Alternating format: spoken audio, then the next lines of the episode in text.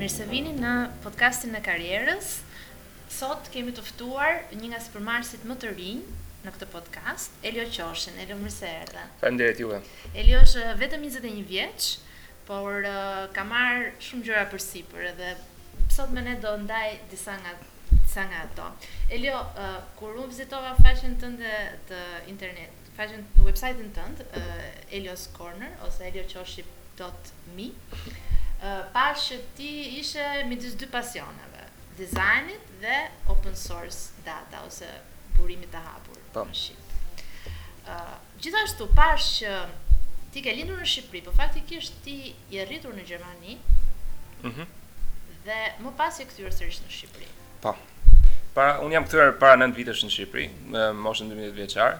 Uh, atëherë lindi dhe vllai im, kështu që ishte ishte shumë periudhë intensive pasi nuk e dija mirë shqipen atëherë fare dhe përktheja çdo lloj gjë nga gjermanishtja. Por kjo më dha avantazh që e mësova shqipen nga bazat edhe sot e kësaj dite jam shumë mendoj të them që jam shumë i mirë në gramatikë, domethënë. Mhm. Deri 12 vjeç pra ti jetove në Gjermani. Nga mosha 3 deri në 12 vjeç, po. 3 deri në 12 vjeç. Po. Dhe si ishte ë si ishte jeta aty në krahasim me jetën në Shqipëri, shkolla ë për shembull? Janë dy faza të ndryshme të jetës, kam qenë fëmijë atëherë, por Kam pasur një rutinë shumë të rehatshme, le të them, um, që çdo ditë dilja me shokët edhe ishte një orar i përcaktuar. Shkolla ishte goxha shumë uh, e strukturuar. Diçka e veçantë që kishin gjermanët ishin që mbas klasës 4 nxënësit ndaheshin nëpër tre shkolla sipas um, nivelit të tyre mm -hmm. dhe ishte gjimnazi që që që ishte shkolla më e mirë, ishte shkolla e mesme dhe ishte edhe shkolla bazë, një përkthim shumë i shpejtë që i bëra tani. Mua më sugjeruan të shkoja në shkollën në në gjimnaz për shkak se kisha nota të mira në klasë të katërt. Po për shkak se nuk kam kam qenë shumë tip empirik, edhe nuk ishte se lexoja shumë rrija mbi libra, Më shumë më pëlqente të eksploroja gjërat vetë. Klasë 5 nuk ishte që dola shumë mirë në shkollë, po gjeta mënyra të tjera për të kaluar kohën duke mësuar mbi dizajn në kompjuter që në moshën 9 vjeç. Pra ti kontaktin tënd të parë me kompjuterin kur e ke kur e ke patur? Kur mbusha 5 vjeç, në 99-ën, prindërit më blenë një PlayStation 1, kështu që atëherë kam luajtur për herë të parë me një Video console. Po kompjuterin tim të parë personal e bleu familja në 2001-shin, pra isha 5, isha 6 vjeç atëherë. Mm -hmm. Dhe ka qenë nga më të mirët atëherë në të asaj kohë kushtonte afërsisht 1000 marka gjermane që mund të jetë 800-900 euro sot. Një investim i mirë nga ana e prindërve të tu. Po, atëherë vetëm luaja, po uh, më vonë uh, gjeta dhe kënaqësinë të krijuarit lojra. që nga nga një nga një gamer u bëra edhe pak designer lojërash. Sepse kompjuteri le të themi sot është arma jote më e fortë ose mjeti kryesor me të cilin ti punon apo Po. Apo jo. Ëm mund ta themi kështu, ëm shumë njerëz mendojnë që është mënyrë jetese kjo gjë, po unë shoh vetëm teknologjinë si mjet për të arritur qëllimin. Pra, ëm në qoftë se nuk ka një arritje humane ose një impakt social, nuk kemi pse të merremi me teknologjinë. Teknologjia është thjesht një arritje, një një medium për të arritur diçka, nuk është qëllimi vet. Mm -hmm. Këtë i them shumë njerëzve që më thonë, um, nuk më pëlqen shumë teknologjia se humbet ai kontakti njerëzor. Mhm. Dhe nuk mendoj që mund ta thjeshtojmë këtë ekuacion aq thjesht me. Elio, ë mund ta përshkruash çfarë ti bën sot ë sipërmarrjen ose biznesin tënd ë në shkurtimisht për të kuptuar se konkretisht nuk është se kam ndonjë model biznesi për shkak se ë kompaninë Kompania është fjalë e madhe, po biznesin e e regjistrova para dy vitesh, thuajse dy vitesh. E kam quajtur Ura. Mm -hmm. Më pëlqeu nga simboli që kishte vetë, domethënë ura lidh, domethënë diçka që bashkon uh, njërën anë me anën tjetër. Mm -hmm. Dhe më shumë më shërben uh, nga ana logjistike dhe nga ana uh, tatimore për t'bërë shërbimet që kam bërë edhe më parë, por me pak më lehtë edhe pak më zyrtar zyrtarisht, për shkak se kisha klientë që më kërkuan edhe fatura edhe ishin pak më serioz, donin pak më marrëdhënie pak më afatgjata edhe isha i detyruar të gjeja um, të faturoja. Të formalizoja. Po, ta formalizoja tamam. Cilat janë shërbimet që ti ofron? Kryesisht jeta ime e përditshme ngjason me atë të një freelanceri. Pra, un punoj Për një kompani australiane, SitePoint, e cila jep kurse me pagesë ose edhe ka një blog me artikuj për krijues, programues, dizajner, e cila është falas edhe website-i mbahet vetëm me reklama, të cilat janë po të drejtuara ndaj programuesve. Um, unë shkruaj aty vazhdimisht, gjithashtu jam dhe menaxher komuniteti i një grupi të vogël në SitePoint, të cilët janë vullnetarë, por harxhojnë kohën e tyre, harxhojnë, um, kalojnë kohën e tyre duke promovuar postime në SitePoint ose duke duke shkuar në evente, duke përfaqësuar SitePoint. Pra është diçka një pjesë e biznesit që është komunitet, i cili fuqizon vetë kompaninë. Um, dhe përpishem uh, që të jem një urë lidhëse midis komunitetit dhe kompanisë për t'i dhënë një vlerë të shtuar të kompanisë. Për ta bërë një çik më konkrete, kur një klient i afrohet Elios, çfarë i kërkon? Pse shkon te Elio?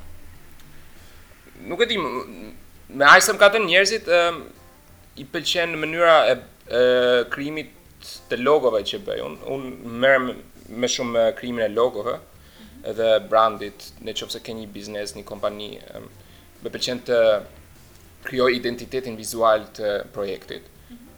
Jam marrë edhe shumë më parë edhe me simbol, simbolizëm edhe identitet dhe në qoftë se për shembull ke ke ndonjë biznes më pëlqen shumë procesi i të krijuarit identitet duke kapur elemente të ndryshme dhe duke i vizualizuar ato në një mënyrë shumë minimaliste, shumë të thjeshtë.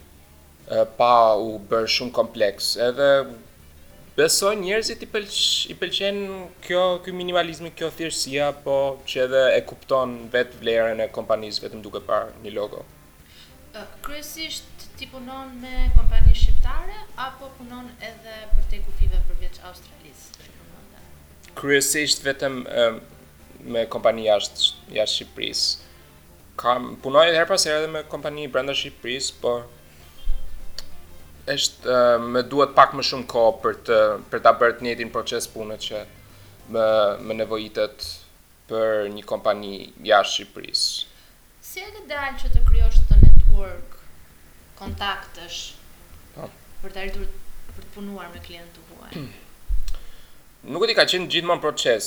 Ëm që që herët në, në moshën 13-14 vjeçar kam filluar të të krijoj një video game me një skuadër nga e gjithë bota, edhe flisnim në Skype, edhe kishim projektet tona në Dropbox, edhe pak nga pak në njëshim njihnim dhe njerëz të rinj.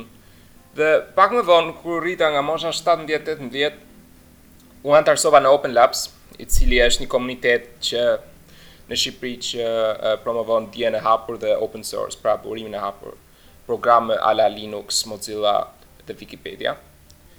Dhe keni dhe një konferencë të madhe në datë 16 po, maj. Po. OSCAL. OSCAL um, është konferenca jonë kryesore, është um, edicioni i tretë këtë vit që do bëhet. Mm -hmm. Dhe ku përmbledh ku përmbledhet um, e gjithë energjia që bëjmë ne gjatë vitit në një konferencë të vetme me pesëdhjetë gjashtëdhjetë spiker nga gjithë bota. Dhe drejtimi i konferencës është kryesisht në open source? Po, ekskluzivisht në open source. Pra, ne nuk ne duam të japim energjitë tona për për këtë fushë, edhe mendojmë që fusha të tilla ala programe me licenca që paguhen edhe me kod burim të mbyllur, të patentuara, mendon mendoj që nuk ka shumë vend në atë gjë atë gjë çfarë promovojmë. Mm -hmm. uh, po sikur uh, unë do të të pyesja të më përmendje tre aftësi që ty gjatë ditës të jenë të janë të domosdoshme për të bërë uh, profesionin punën që ti bën. Aftësia e parë është dizajn, um, dizajni. Gjëja vizuale, në qoftë se më kërkohet një poster, duhet ta kompozoj sipas dëshirës së klientit. Këtu hyn edhe dilema e përjetshme që t'ia mbushësh mendin klientit që ajo gjë që do ndoshta nuk është ideale, por kjo është um, histori shumë e gjatë. Um, tjetër është gjithashtu menaxhimi i një komuniteti që është puna ime e dytë le të themi që ku duhet të bisedoj me anëtarë, me vullnetarë të ndryshëm të komunitetit, dhe duke i ndihmuar ata duke folur, nuk nuk është puna thjesht që ti t'u thuash atyre çfarë duhet të bëjnë, mm -hmm. por që të ndihen rehat në komunitet, që të jenë të mirë se ardhur, ëm um, dhe të jenë të jenë pjesë e komunitetit. Mm -hmm. Dhe kjo është pak është pak art me vete. Domethënë, është shkencë, nuk jam nuk kam hyrë akoma aq thellë sa të kuptoj shkencën e kësaj gjëje, po krijohet pak një një instinkt i menaxhimit të komunitetit. Mund të më thuash ndonjë vështirësi, ndoshta nga më të mëdhatë që ti ke hasur, le të themi këto vitet e fundit gjatë eksperiencave që ke pasur si sipërmarrës? diçka çfarë është diçka shumë e thjeshtë, shumë bazike, po mua më shqetëson që kur bëhet fjalë për projekte të reja, takohemi nëpër kafe, pimë një kafe edhe koha që të harxhon ai projekt edhe um, shpërblimi financiar që do marrësh nga ky projekt gjithmonë dalin në fund të bisedës, mbasi ti ke harxhuar 2-3 orë duke biseduar. Edhe kjo gjë është Mua më frikëson pak personalisht për shkak se stepem pak kur marr projekte të reja, për shkak se nuk e di çfarë shpërblimi ose çfarë impenjimi kohor mund të ketë nga ana ime dhe në qoftë se nuk jam i kënaqur me shpërblimin financiar ose nuk justifikon kohën time, unë harxhoj kohën time qoftë edhe dy tre orë duke duke biseduar me personin në fjalë edhe dal unë i humbur në atë mes. Pra nuk pala tjetër nuk është shumë e qartë në po. çfarë kërkon nga ty apo edhe mundohet ndoshta të përfitojë pak përpara se edhe të shpërblejë. Po, mendoj që është procesi që jam mësu, jemi mësuar pak këtu në Shqipëri. Gjithashtu um, më duket pak e çuditshme fakti që Njerëzit të marrin telefon çdo orë e minutë duke sqaruar gjërat. Unë jam pak më shumë tipi maili, pra në qoftë se më çon email mund të të kthej përgjigje direkt dhe shpesh herë edhe nuk e hap celularin në qoftë se nuk nuk kam dëshirë të hap. Po. Siç e thashë më parë, ti je vetëm 21 vjeç. Për momentin Si janë planet e tua për sa i përket shkollimit të mëtejshëm apo eksperiencës së mëtejshme në punë? Pra çfarë çfarë ke ndërmend të bësh këto vitet e ardhshme, të afërta? Unë jam akoma student në Universitetin e Arteve për dizajn, për multimedia, më saktë.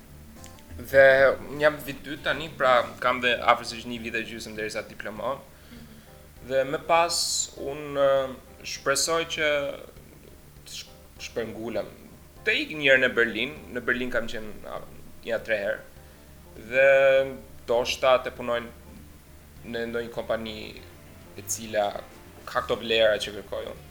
Domethënë Berlini është uh, një nga qendrat e startup-eve në në Europë, por mendoj që um, nuk mjafton kjo thjesht për të patur një rrogë të mirë edhe që Nesër pasnesër nuk nuk e dihet çfarë ndodh me atë startup. Është mund të jetë një flluskë që thjesht shpërthen. Ndoshta unë personalisht jam shumë i apasionuar pas internetit dhe webit dhe lirisë së fjalës në internet edhe që kushdo qoftë dikush në Afrikë, qoftë dikush në SHBA të ketë njëjtin akses në internet. Prandaj kam kontribuar edhe në Mozilla që kanë krijuar browserin Firefox, për tre vite me radhë, edhe ndoshta nesër pas nesër mund të bëhet diçka të për këtë. E, po, e, e, shumica e njerëzve në Shqipëri përdorin Chrome, Google Chrome kur futen në internet. Ëm um, nga statistikat po, domethënë afërsisht 30-40% më shumë se Explorer. Dhe po, po, po, më shumë se Explorer. Explorer përdoret më shumë kur sapo ke instaluar sistemin e operimit. Ëh dhe Mozilla Firefox ka akoma përdorim. Në Shqipëri është afërsisht rreth 20-25%. Gjermania është një nga shtetet që përdor më shumë, që është shumë e mahnitshme, është 50% e Mozilla Firefox. Gjermanët janë pak më të orientuar ndaj privatësisë dhe janë më pak më shumë paranoidë mund të quajnë disa unë i kuptoj deri diku atë pjesë. Pra, kur ti ku përdor Chrome të Google, ti jep të dhënat një kompanie fitimprurëse që ka afërsisht 600 miliard um, dollarë vlerë. Mhm. Ndërkohë që ti kur um, ku kodburimi gjithashtu nuk është i nuk është i mbyllur. Pra ti i beson kompanisë çfarë të ndodh me të dhënat e tua. Nuk është nuk është se mund ta shohësh kodin ose dikush mund ta shohë kodin për ty. Pra ti e merr me mirëbesim çfarë bën kompania me të dhënat e tua. Ndërkohë me një shfletues si Mozilla Firefox, kodburimi i gjithë programit, pra receta, mhm. është sikur të themi ti ke tani një kek po han një kek, edhe nuk e di recetën, nuk e nuk e di çfarë është brenda në kek. Mhm. Mozilla Firefox e ka recetën e hapur edhe domethënë nuk ka çfarë të bëjë të keqe me ty për shkak se ti mund ta lexosh, mund ta çekosh ose gjithë komuniteti mund ta çekojë. Normalisht që njerëzit thonë që unë nuk jam teknik, ç'më duhet kodi, por kodi është i hapur për miliona njerëz në botë dhe dikush do ta kapë këtë problem në qoftë se ka një problem.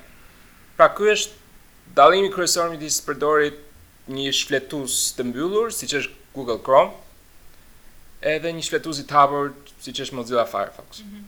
Dhe, dhe ti ke kontribuar për uh, ke punuar rreth 3 vjet me Po, me komunitetin më shumë. Komunitetin. Mozilla ka dhe shumë projekte të tjera përveç Firefox. Për shembull është Webmaker, i cili është një projekt që mëson fëmijëve ose studentëve ose këdo që ka dëshirë bazat e programimit në web. Ëm kemi në plan tani ta përkthejmë në shqip, ëm besoj dy tre muajt e ardhshëm do të jetë në shqip, edhe kushdo që ka dëshirë të mësojë bazat e programimit mund të futet aty edhe t'i mësojë edhe në shqip madje. Kisha një pyetje në lidhje me studentët e tjerë që Janë në shkollë. Çfarë çfarë bëjnë, me çfarë merren? Ndodh që kanë punojnë ekstra përmbi shkollës mm -hmm. apo apo thjesht shkojnë në shkollë dhe kaq? Unë jam pak jashtë realitetit të Universitetit të Arteve për shkak se nuk është jeta klasike studentore në Shqipëri mm -hmm. aty.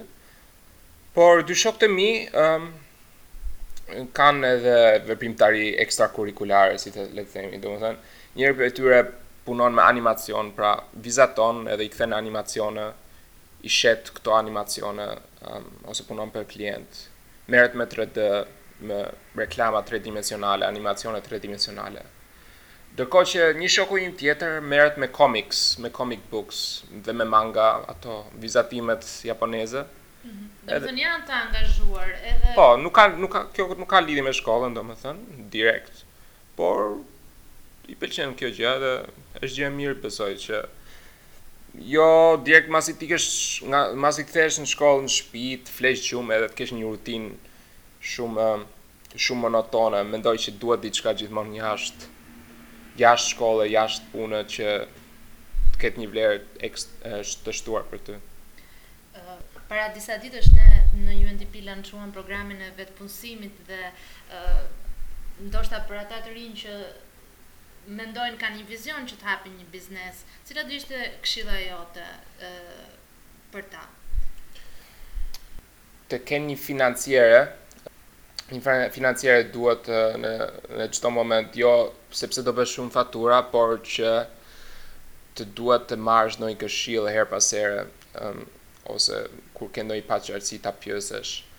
Madje, në qoftë se është mundësia, është edhe mirë të kesh ndihmë juridike, le të themi, në qoftë se um, Nuk e di, ndoshta jam dhe unë shumë shumë i fiksuar me këto detaje dhe dua që të kem gjithë dokumentat e mia të rregullta. Është e vështirë që të të t'i bësh vetë këto gjëra? Është shumë e vështirë, është unë do thoja e pamundur për mua personalisht, do preferoja të paguaja dikë. Okej. Okay. se sa Po për sa i përket idesë së biznesit, pra ti the financiere, financiere është në një fazë kur ti ndoshta e ke ngritur diçka, sepse Fatkeqësisht është edhe në fillim, domethënë, Sigurisht, po. domethënë po që ti e ke një ide biznesi, për sa i përket këtyre ideve të biznesit, a ka ndonjë këshillë që ti ë mund t'i japësh të rinjve që na dëgjojnë, qoftë për nga natyra e biznesit që mund të ketë një sukses më të madh.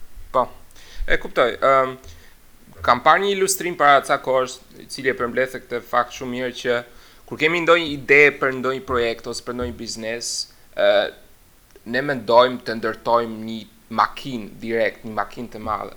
Ndërkohë që duhet ta nisësh me një biçikletë, edhe ta ndërtosh biçikletën, e pastaj ta ndërtosh motorin, edhe pastaj ndoshta mund ta ndërtosh makinën, nuk duhet t'i futemi shumë në detaje, do bëjmë këtë, do ta bëjmë kaq, shumë të madhe këtë andej. Duhet ta fillosh shumë nga baza, nga një element shumë i vogël i cili është shumë i prekshëm dhe favorizues për ty. Dhe në qoftë se nesër pasnesër Është je në avantazh mund edhe ta zmadhosh edhe ta përmirësosh mendoj që faza e idesë ka një limit edhe mbasi ti e ke menduar shumë qartë në kokë thjesht duhet t'i futesh punës edhe të krijosh një prototip edhe ta nxjerrësh atë duke marrë feedback edhe nga njerëzit e tjerë edhe ta testosh ta testosh vazhdimisht mm -hmm. pa u bërë perfeksionist mm -hmm. perfeksionizmi në këto gjëra nuk ka shumë vend në këtë stad mm -hmm. Elio, ne, ne po i afrohemi fundit, ishte kënaqësi që bisedova me ty.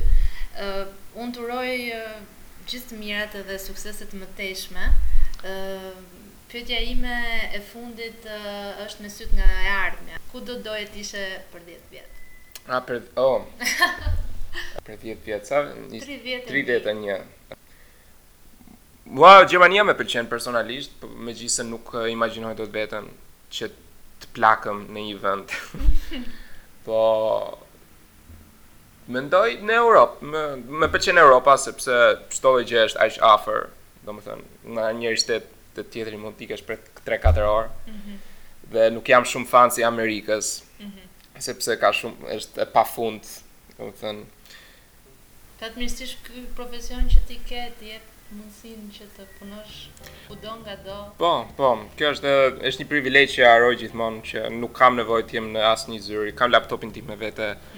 Uh, nuk e di sa të zgjasë kjo gjëja, po shpresoj që nesër pas nesër, do më thënë, të vazhdoj të merrem me open source edhe me software të lirë, Edhe që shpresoj që dhe në Shqipëri të ketë impakt edhe të kemi shkollat e para të cilat përkrahin um, software-in e lirë ala Linux në vend sistemeve operative si Windows që kemi sot. Shpresojmë dhe të tjera. Ela shumë faleminderit. Shumë faleminderit juve.